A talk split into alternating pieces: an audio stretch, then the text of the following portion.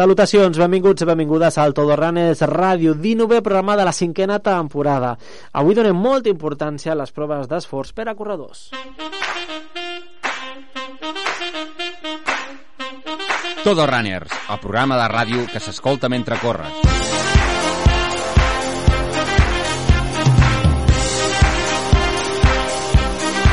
Salutacions a totes les ràdios locals de Catalunya que volen seguir coneixent aquest món runner apassionant i a tu que ho sabem que ho escoltes per podcast. Us parla el pre-runner José Luis Rodríguez Beltrán, a l'estudi el director esportiu Albert Caballero i al control tècnic l'incansable José Francisco Artacho.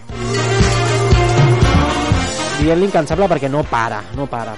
Ah, hi ha un esclat de curses populars en aquest trimestre de l'any, anem per feina, eh? Volem recordar la importància de les proves d'esforç i tot allò necessari per córrer amb la màxima seguretat al corredor o corredora. Uh, no parlarem així que ni de sabatilles ni de rellotges, que també poden ajudar, eh? Uh, ho farem de les proves d'esforç i la seva importància ho farem amb un cardiòleg esportiu referent, el Ricard Serra. També fem conversa d'aquestes curses populars, com ara el campió dels 10 quilòmetres de la cursa popular de Mollet, el Carles Monjó, que és vigent campió català de marató, i escoltarem també el Toni Cornella sobre la mitja marató de Granollers, que té lloc el 6 de febrer en el seu circuit habitual que el recupera. Així que això és tot, Ranes, segueix-nos si pots. Todo Runners, amb José Luis Rodríguez Beltrán. Segueix-nos si pots.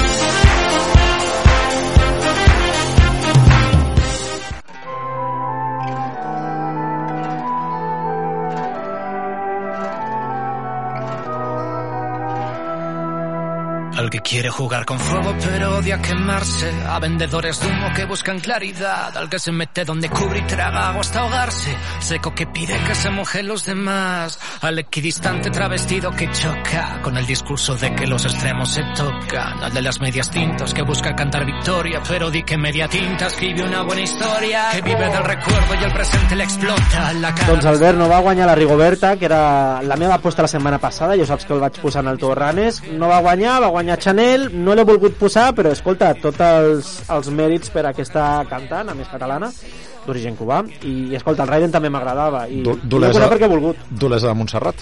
Dolesa de Mont... Doncs mira, Dolesa, tu saps més dades que no pas jo, doncs he posat el Raiden, què et sembla, la lloreria? No, bé, bé, ha, estat un concurs en polèmica i el tema de la Rigoberta, que sabies que és un tema que aquesta setmana me l'he escoltat bastant i m'ha enganxat bastant, eh? Vull I dir no el que... coneixies, te'l vaig I no, posar I jo. no el coneixia, vull dir que... Todo canciones hem de fer també. Sí, Todo senyor. Sí, senyor, perquè jo m'he quedat aturat al... al L'Ai Mamà. Com, exacte, sí, no? I m'he quedat aturat altres emissores que no diré noms de, no sé, de l'any 2000, saps? De l'èxit del segle passat. Sí. I reconec que m'he de posar al dia. T'has de posar al dia. També hi havia la cançó galega, que també era molt xula, però escolta, va guanyar Chanel, que té un ball que jo no podria reproduir. Però pots fer altres coses, com el Todo Runners? Doncs sí. Va, anem a posar-nos seriosos, Albert, perquè volem parlar d'una notícia, um, entre d'altres, eh? que la setmana passada doncs, es va trastocar la mort d'un corredor, doncs és experimentat el Josep Maria Pijuan durant la cursa de muntanya de la Llanera Trail, tant l'Albert com aquí un servidor doncs, van quedar bastant trasbalsats, i és que fa temps havien fet un programa sobre les morts sobtades, uh, fins i tot tertúlia que, que van fer, fins i tot va venir el president de la Federació Catalana d'Atletisme, Joan Villuendas. En aquest, causa, en aquest cas, les causes, segons l'Ajuntament de Sabadell, en un comunicat va dir que eren indeterminables. Dit això, les morts sobtades doncs, passen entre els esportistes i tot i la prevenció doncs, pot passar, però sempre millor prevenir com ara les proves d'esforç. Albert, tu t'has fet moltes, no? Sí, de fet, eh, l'ideal és fer-se'n una, una cada any. Una cada I ara any. parlem amb una eminència, que és el doctor Sí. Ricard Grima, que ens explicarà per què s'han de fer i què vol dir una prova d'esforç correcta i quins riscos hi ha a pesar de fer-te-la, però crec que és com una mena d'ITV. I penso que amb això, moltes vegades el correu popular va per la vida amb molta alegria. És a dir, tu a França no vas a una cursa popular tipus la Llagosta, per exemple, si tu no tens una, una prova d'esforç, un certificat mèdic, no sé si són 3 o 6 mesos d'antiguitat. Encara que siguis el corredor més popular del món. A l'altra banda dels Pirineus, mm, això, salvo algunes agències com Materialó, per exemple, o l'Atisme, que sí que, que la Federat et demana prova d'esforç, però moltes vegades hi ha molts corredors que es posen a la ratlla de sortida d'una cursa i no han passat mai, mai, mai per un cardiòleg. Jo he d'admetre que m'he fet un parell, dos proves d'esforç quan m'estava preparant per voler fer una marató, que no la vaig poder fer, però m'he fet només dues. Després, quan ja he fet curses de 5 i 10 quilòmetres, doncs la veritat, no me les he feta, però sí que he anat controlant les constants vitals i tot això, però voldria preguntar, ja que el tenim per línia telefònica, al nostre uh, expert en medicina esportiva cardiola, Ricard Serra, doctor. Molt bona tarda, benvingut en el Tudor Ranes. Bona tarda, moltes gràcies. Doncs, Ricard, un corredor popular, quan s'hauria de fer una prova d'esforç? Bueno, a veure, primerament uh, uh, uh, entrem per corredor popular, un que entrena molt, molt o poc, més bé bastant, d'una manera doncs, irregular, no supervisada, no fa controls i no fa controls dir que per, per part del mètode d'entrenament que jo dic que pel mètode d'entrenament perquè molts problemes o sigui, estan aquí en la metodologia incorrecta de l'entrenament i no, no, eh, no tenir eh, nocions clares de què és el que entrenar, què és el que, com s'ha d'entrenar i de quina manera. I això, vull dir, perquè aquest és el, aquest és el, el, el primer punt que jo penso que tindríem que valorar. I després, una altra vegada, a, a quants, a, en relació a quan s'hauria de fer una prova d'esport un, un atleta popular, doncs primer tenim que saber, saber. Primer, aquest atleta popular ha fet esport tota la seva vida, ho ha començat quan ha, ha, ha arribat als 30 i anys o 40, que es veu que ja li ha arribat la crisi dels 40 i vol fer exercici i comença a fer-ho d'una manera desmesurada. Llavors, eh, això són dos tipus, dos tipus. El que ha fet exercicis tota la vida, d'una manera regular i més o menys en temporada, o sigui, ha fet exercici.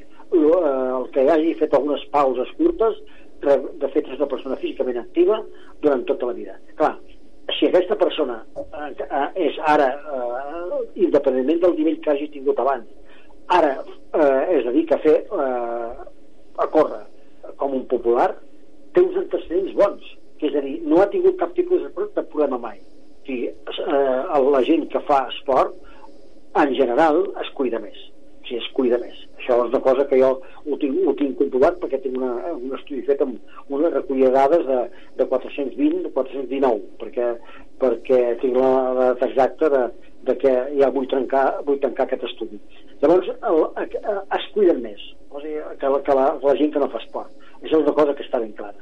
Llavors, Ara, arriba, aquest atleta popular arriba i, i es dedica als que veiem a, a, la, a la massificació d'aquestes curses i realment no han fet mai esport i volen fer-ho, s'ho passen, es, es diverteixen molt, és una novetat i després no tenen ni idea de, de, lo, de lo sèrio que és l'entrenament perquè és el, eh, ja sigui el evident que sigui i la marca que sigui. Llavors, aquesta persona que es comença, que comença a edat ja, a mitjana edat, amb 40 anys, que és a sobre, eh, eh, llavors ja és el segon punt. Eh, aquesta persona ha tingut una vida des del punt de vista d'hàbits tòxics i el, i el dir d'hàbits tòxics em refereixo si ha sigut un fumador, si s'ha controlat el pes, si, eh, si tenia colesterol, si se l'ha controlat, o bé és una persona que no té eh, que, bueno, que no té aquests factors de risc, que no ha, no ha fumat i una vida sana. Llavors, el que ha tingut de risc, aquest, aquest, aquest és el popular que nosaltres tenim que controlar i aquest és el que li té, a qui li hem de fer una prova d'esforç. El que, primer, començant per lo bàsic, que és una història, perquè anar, anar a fer una prova d'esforç no té cap sentit. O sigui, el, el, ha d'anar primer a un metge i aquest metge ha de fer de metge. I què vol dir això? Que li ha de fer una història clínica ben feta amb tot, o sigui, com si fos un pacient a estar a l'hospital. Llavors, sobre aquesta base, sobre aquesta base, el, el metge ja podrà tenir una orientació si aquesta persona és una persona que, que amb una probabilitat de que la prova d'esforç sigui normal, perquè no té cap tipus d'antecedent ni ha tingut cap tipus de símptomes, o bé, si és una persona que té el que nosaltres diem factors de risc cardiovascular, que per exemple podria ser que, té, que ja li, li ha pujat la pressió arterial, doncs que per exemple té, eh, és diabètic o, o, o té colesterol, o un altre, el més, el més corrent és que eh, sigui fumador. Llavors, clar, si aquesta persona té aquests factors de risc, no vol dir que la prova eh, d'esforç li hagi de sortir malament, però sí que és una indicació clara d'una prova d'esforç amb un corredor popular.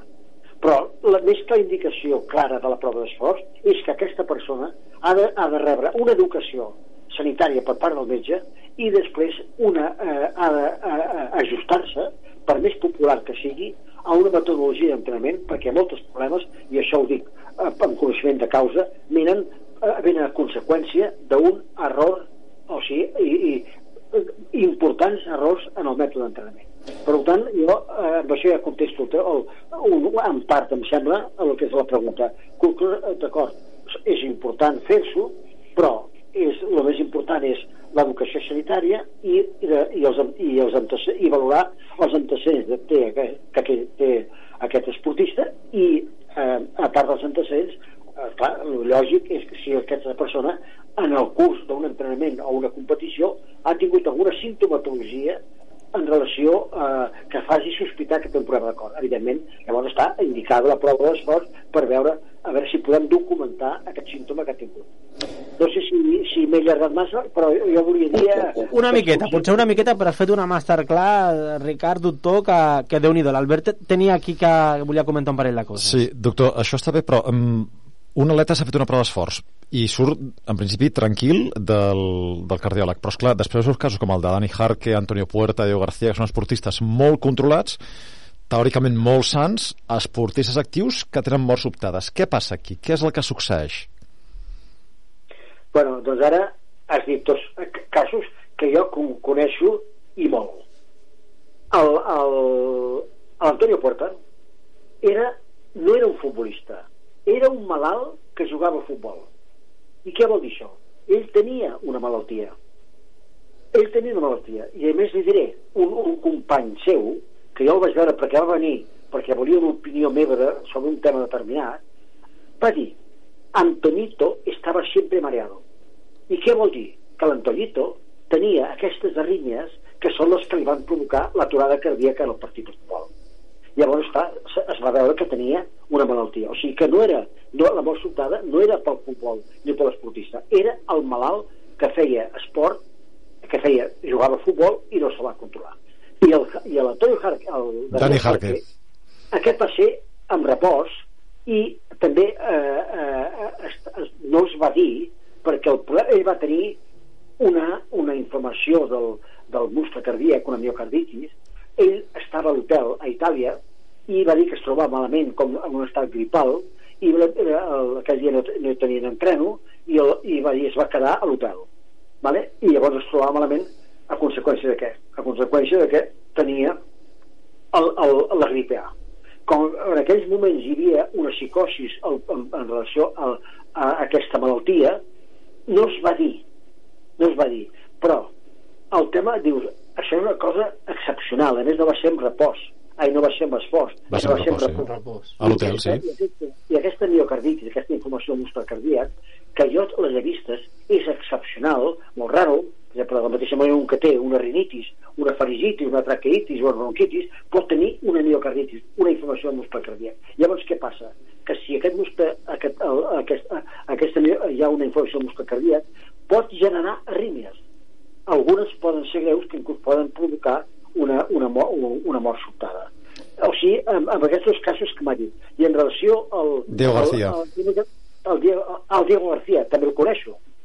Ah, clar, i tant que el coneixo. Més, però, però, ben, però ben conegut. El Diego García, o sigui, es va controlar els, el, el, el, el, el Consell Superior de Deportes de Madrid i allà hi havia una cardiòloga molt, molt professional i molt bona la doctora Araceli Boraita. I durant anys els, els, els, els, l'autisme de fons es controlaven tots a Madrid. Vull dir que un podia viure aquí a Barcelona que s'entenia que anar a Madrid a fer la revisió. Llavors, què va passar? El, bueno, totes les revisions va ser normal. Eh, jo, és que a més estava de director mèdic al, a l'estadi olímpic i va arribar el, el Diego García. I el Diego García, doncs, bueno, arribava eh, a de, allò que diem de quatre gates i no és que li passés res el que passa que estava deprimit perquè ell pensava, aspirava com a mínim a, a la medalla olímpica vale? a quedar als cinc primers i no va quedar als cinc primers i estava deprimit deu anys més tard entrenant pel País Basc amb una, no recordo on surt el nom del, de l'atleta però era d'alt nivell. Alejandro Gómez. sí, exactament. Sí senyor, Alejandro Gómez. Estaven entrenant tots dos i pum, es va, es va desplomar. Que el Diego ja estava retirat. Sí, sí, sí, i al, al cap de 10 anys de, de, de 10 anys de retirar-se. O sigui, al cap de 10 anys de retirar-se va, li va passar això. Però ell seguia, seguia entrenant. I llavors, clar, la família què va fer? Ah, demanar, eh, demandar els serveis mèdics perquè com és que no havien vist la malaltia, perquè clar, se li va fer a l'estudi anatomopatològic i es va veure que tenia la mateixa malaltia que tenia l'Antonio Puerta. La mateixa, que és una malaltia que, que consisteix en que bueno, una part del, del muscle cardíac es, es, es, es converteix en teixit fibrós i, fibrós i greix i llavors, clar, a part d'aquest aquest, aquest, aquesta part del cor funciona menys, a sobre doncs, genera arrímies. Genera arrímies, algunes d'elles poden ser greus i poden provocar la mort. I el Diego García li va passar això. Llavors tenia aquesta malaltia. Però, esclar, no hem de, no hem de culpar a la doctora Boraita, perquè això va ser al cap de 10 anys. Com que no sabem la història natural d'aquesta malaltia, no sabem si l'any 92 no la tenia perquè aquesta, o sigui, a, a, a, la, a la malaltia aquesta eh, una de les característiques és que té un electrocardiograma especial. Però aquest electrocardiograma especial també eh, eh, la tenen esportistes que no tenen la malaltia. I a més aquest tipus de malaltia per l'ecografia que la doctora Moraita li feia sempre és difícil de diagnosticar. Per ecografia, s'ha de fer una ressonància. Amb el qual el tema eh, eh, va quedar penjat però no se sabia si jo quan vaig recollir al, a, que en el Diego García, que le vas dir, ala, levántate Diego, que esto que no se da nada, la próxima ya, la próxima ya, ya, ya mejorarás el resultado. ¿Vale? I llavors resulta que mm, no, jo no sé si en aquell moment eh, ja tenia la malaltia o, o, o, és a dir, o havia començat a desenvolupar-se la malaltia. Aquí està el problema, d'acord? Perquè no coneixem la història natural. O sigui, que els tres casos que, que, que m'heu citat, aquests casos els coneixo, però amb rigor, vale? I, i llavors jo aprofito per dir que, o sigui, tant el Diego García com el, eh, com el eh, Antonio, Diego Puerta com el Antonio Jarque, Antonio Antonio Puerta o Dani, Dani García Dani, Dani Jarque. Dani Jarque, Antonio Puerta, Diego García, sí. En el fons, si, el, eh, si hagués anat a, a fer un entreno el, el, mentre estava a Itàlia, el, el Dani Jarque, doncs, està era, es tenia que dir que estava amb una malaltia aguda, amb, una, amb una, eh, un estat gripal agut que li va provocar la, la mort. És a dir, en aquest cas era un, un malalt agut, no un malalt crònic, com els altres dos. Fora d'aquests casos, du, du, doctor... Puc assegurar sí. que això és, perdó, perdó que, que us talli, sí. això és puc assegurar que, que, o sigui, tan cert i tan rigorós com us estic explicant, és Vale? Sí, sí, no, no, sí, sí. t'estem escoltant aquí els dos amb la boca oberta de, de tots els comentaris que estàs fent, la veritat. Ah, doctor, ah, pel corredor popular, quins són els consells que, que els hi donaria, per exemple, un corredor popular doncs d'uns 30-40 anys que vol fer una mitja marató, quins són els consells sanitaris a l'hora doncs, de, de la seva preparació? Una banda són els consells esportius, evidentment, doncs, que vagi amb un monitor i, o un responsable tècnic qualificat doncs, que li pugui fer un bon entrenament entrenament, una bona preparació, una bona programació, però a nivell sanitari, quines són les recomanacions que els hi donaria? Sí, jo penso que, que, que és més important les recomanacions que, que, que, que faci una metodologia d'entrenament correcta, que resulta que ell no es pensi, o sigui, que, que farà marca sense entrenar, que resulta que, que voldrà cremar trapes i, i preparar-se per una mitja marató i en, en, en, en quatre setmanes i llavors resulta que eh, es fan aquestes imprudències i llavors passen les coses que passen i després per altra banda des del punt de vista sanitari doncs una persona eh, són les normes, les normes bàsiques que un que fa esport vull dir que ha de cuidar és a dir, el tema jo sempre dic allò, tothom ha vist la pel·lícula Forrest Gump sí. vale? jo, jo tinc Forrest Gump en el meu historial com a metge i és aquell que, bueno, doncs, que surt i a, a, a més a propòsit de la, de la, ha sortit el nom de, de, de, de la mitja marató de Granulles i, eh, i, el, i parlat del, de, que ara o teniu que parlar amb el, amb el Toni Cornella que el coneixo per cert i doncs, bueno, doncs aquest un que va anar a, la, a un Forrest Gump que van a córrer la, la, la mitja marató de Granulles doncs vull dir que sense entrenar o sigui, volent fer marca, eh, sense haver eh, menjat, o sigui, sortir sense haver menjat pràcticament res, i després resulta que sense habitualment durant la cursa, llavors va tenir una, una falsa aturada cardíaca. Per tant, una mesura importantíssima és l'aport la, energètic adequat perquè s'ha de fer un esforç important abans de la cursa i a l'avituallament de la cursa i després un altre aspecte important és que això crea eh, a vegades que, que, que, problema, que a vegades es veu que no hi ha hagut no, eh, allò que diem de la mort, eh, una mort sobtada però no, no li han trobat res. O sigui, l'autòpsia la, la, blanca.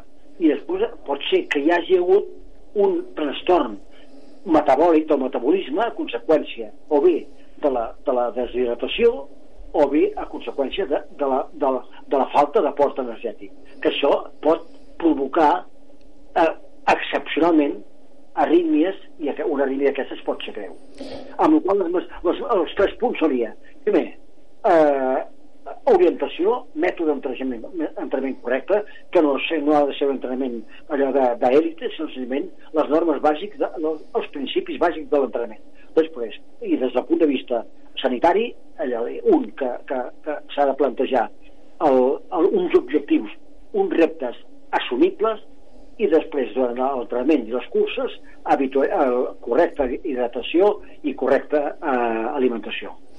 Doctor, una última pregunta, si ens entra. Eh, de vegades hi ha el mite que diu algun cardiòleg, algun cardiòleg esportiu o, o no esportiu però un cardiòleg que això de fer esport de competició no és massa bo pel cor, que hem de fer esport però de, de lleure, per dir-ho així i que de moment que estem forçant estem fent el cor massa gran i ja no té un efecte positiu. Què ha de dir vostè aquest mite que de vegades corre fins i tot entre cardiòlegs?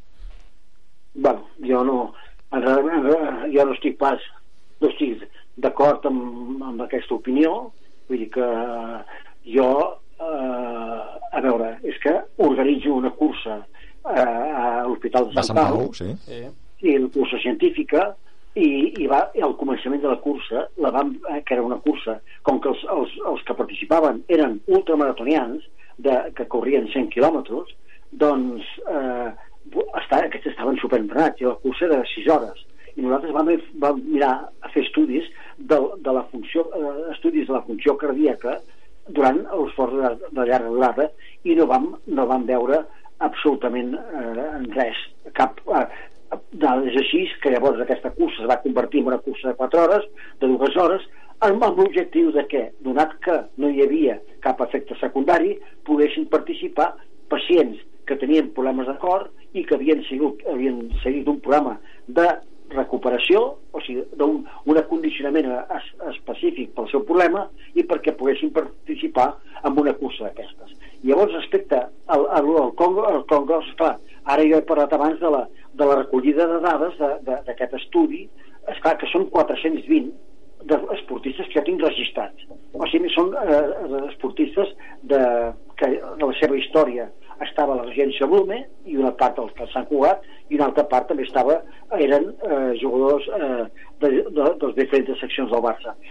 Clar, això del cor, del cor gran o sigui, eh, és bueno, d'acord que és una, una expressió una, una, una expressió que ha utilitzat el metge, me, del metge però en realitat no és que es faci el, el cor gran perquè el, el, el, el, el que hi ha és un canvi en, a, en la regulació d'aquest cor i el que, el que, el que provoca és que les, les, la freqüència cardíaca vagi més, eh, sigui més lenta i és el que va amb el cor de l'esportista.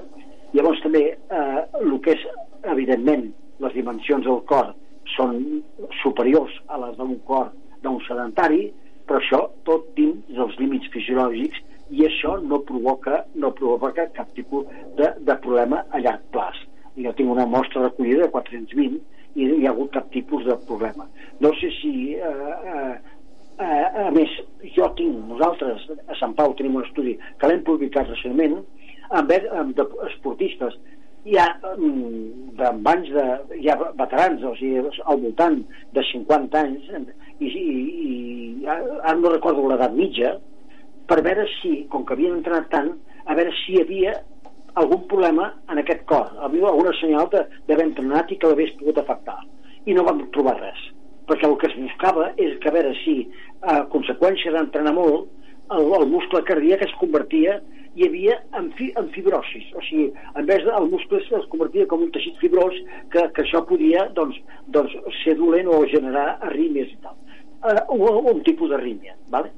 doncs nosaltres amb aquest estudi no vam trobar res o sigui, i eren esportistes seleccionats, una mostra molt seleccionada d'esportistes que havien entrenat molt, és a dir, que portaven anys entrenant i no van poder trobar res. Clar, la nostra experiència, des del nostre punt de vista, doncs és que, o per almenys la meva, la meva opinió, és que, es, eh, és que si, es, si l'entrenament es fa correcte, es, es fa, la metodologia és correcta, es respecta de, al llarg dels anys tot el mètode, tot els sistemes d'entrenament. I llavors es fan la, les dietes adequades el, el, el, el, i després la hidratació adequada. Analítiques periòdiques per comprovar que, que no hi hagi cap alteració ni anèmia, etc etc. la veritat és que mm, hauria de dir que eh, el que pot ser a la millor per dir-ho d'alguna manera no dolent però sí que té els seus efectes eh, diria, els seus inconvenients és l'estrès amb què viu l'esportista. Això sí que, que a llarg plaç, i si és un estrès que no, no, no l'ha controlat aquest esportista, poder, poder sí que això li pot crear algun... No sabem quin tipus de problema. Jo ara podria donar la meva teoria, però és que seria molt llarg i, i, i a més difícil d'entendre però jo sí que puc tenir una, una tot, tot així doctor ens ha, ens, ens ha donat una, una masterclass sincerament de, d'aquesta problemàtica i, i d'aquestes possibles solucions per, per poder evitar doncs, certes situacions. De, sincerament hem esgotat a, a, el temps i, i li, li encomanaria un, un altre dia, en un altre Tudorranes, poder seguir ampliant eh, tots aquests consells i, i evidentment doncs, totes les dades doncs, que, que coneix doctor eh, Ricard Serra. Gràcies per ser en el Tudorranes i com dient aquí, bona cursa, gràcies. Vale. Bueno, sento que si m'he allargat i no hem pogut fer les pregu més preguntes, però és que aquests temes eren importants. Sí, no, no, no, oh, i tant. Tindrem, tindrem més ocasions perquè, més més, ocasions. perquè el tema és interessantíssim i vostè és una eminència, doctor. Moltes gràcies. A vostè. Todo Runners, amb José Luis Rodríguez Beltrán. Segueix-nos si pots. Seguim, Albert, i ho fem per parlar de la cursa Sant Vicenç de Mollet del Vallès, que ho hem dit a l'inici, i és que Carles Monlló, de la Lea La Blanca, company teu, va guanyar la 28a edició de la cursa popular de Sant Vicenç i dotze memorial Jordi Soler Tura, ho va fer en 32 minuts i 28 segons. En categoria femenina va fer Jessica Tipan. Prop de 800 participants van ser-hi a Mollet i nosaltres vam parlar amb Carles Monlló. Escoltem. Carles Monlló, felicitats, has guanyat els 10 quilòmetres de Mollet. Era el que venies, no? Sí, sí, sí, bueno, venia aquí a fer un entrenament també bastant complet avui i, i aprofitant el circuit de Mollet i les dues curses que hi havia, doncs, i el bon ambient, doncs mira, he aprofitat i, i hem corregut avui aquí. Quin temps has fet? Eh, diria que es deu que 32-20 llargs, aproximadament, però bueno. No, no sé si era la primera vegada que feies el circuit aquí de Mollet, què t'ha semblat, el mix aquest d'asfalt i de l'espai rural de Gallecs? Eh, sí, de fet era el segon cop, eh, vaig córrer aquí fa com 6 anys, però eren altres temps, altres objectius. Ara, ja et dic, és una primera part bastant rapideta, en la que he aprofitat que el primer corredor del 5.000 eh, he anat amb ell fins al desviament, i la segona part, a la vegada que molt bonica també per gallecs, eh, també dureta, perquè hi ha pujades i baixades molt que s'han de tenir cames, però bueno, eh, al final bé, bé, content, content perquè he pogut eh, posar el meu ritme i, i bé. Se t'ha fet curta la cursa perquè només acaba la cursa quan hem intentat parlar amb tu has anat corrent fent un sprint en la victòria, ningú a celebrar gairebé i donant voltes per al circuit. Quan, quants quilòmetres has fet avui la tirada llarga? Eh, sí, bueno, avui vull allargar 9, 9 quilòmetres més a, a ritme aproximat de la competició de fet, és que estic preparant Campionat d'Espanya de Marató, que és a l'abril, i ja que estava aquí, doncs, mira, ja, ja era la idea una mica per completar, fer, fer la cursa de 10 i completar amb uns quilòmetres de més. De fet, aquesta temporada t'estan anant bé les coses, campió de Catalunya, Empúries, no?, de marató, és a dir, satisfet, a més en rècord de la prova, no?, satisfet? Sí, sí, sí, bueno, la veritat és que va ser un, l'objectiu de l'any passat, no?, el Campionat de Catalunya, i en, va ser un dia que vaig sentir també molt bé, eh, el vaig preparar bé, i, i bueno, bé, bé, content, va ser un any, per mi personalment, atlèticament, jo crec que va ser el, el meu millor any, però aquest any tinc objectius encara més ambiciosos i, i vull, vull millorar les marques, tant individual com de, de club. Quins són aquests objectius ambiciosos? Deies ara el Campionat d'Espanya? Sí, doncs ara ja el, el 3 d'abril vaig al Campionat d'Espanya de Marató, en el que intentaré estar lluitant per ell, per què no? i després més endavant doncs, repetir el, bueno, el de 50 quilòmetres campionat d'Espanya, que és al, al juny, que vaig fer bronze aquest any i bueno, intentarem, per què no, al, al, al campionat, a l'absolut. I dilluns vam ser-hi en l'acte de presentació de la mitja marató de Granollers, on es preveu més de 4.000 participants. Vam parlar amb el Toni Cornelles, amb el president de l'associació esportiva La Mitja de Granollers, i ens va explicar doncs, eh, la participació que s'espera multitudinària per diumenge, tot i que ens va quedar, i així apuntem aquest tall de veu, que hi haurà una llebre, però aquesta llebre serà tota una incògnita, perquè no volen que passi el que va passar a la mitja de Sevilla. Ja sabeu que la llebre va acabar guanyant la cursa i a més en rècord, amb poc més de 59 minuts. O sigui que veurem què passa. Escoltem el Toni. A veure, superant mai, perquè sempre eh, penses que t'agradaria que, que fos normal i per tant hi pogués haver-hi més gent. No, el que passa és que anàvem relativament lents, estàvem sobre 3.000 i alguna cosa, i ara ja hem superat els 4.000, no? Ara, de totes maneres, també us he de dir una qüestió, eh? eh hi haurà absentisme. Eh, això mm, segur que hi haurà com un 20% que no, que no vindran, etc perquè és el que està passant a totes les carreres i una mica més mm, bueno, perquè la situació és la que és i quan parles amb els experts et diuen que és el nivell de baixes que hi ha, etc. no? Ah, escolta, heu dit que intentareu rebaixar de l'hora amb una llebre que no se sabrà quina és perquè no passi lo de Sevilla, no? Això és força... A veure, no, no perquè passi lo de Sevilla, tant de bo passés lo de Sevilla entre nosaltres, eh? tant de bo, vull dir que... No, no, no, no, no, el que passa és que hi ha una qüestió. Clar, si els corredors saben qui és la llebre, clar, diuen, bueno, tampoc m'esforço tant perquè aquest no... I com que en definitiva eh, els que venen tenen un fixe de sortida, però després, en funció de la marca i del lloc, tenen un, uns bonus, llavors, clar, canvia molt. No és el mateix ser el primer que ser el tercer. I llavors, si no ho saben, pues, más mejor.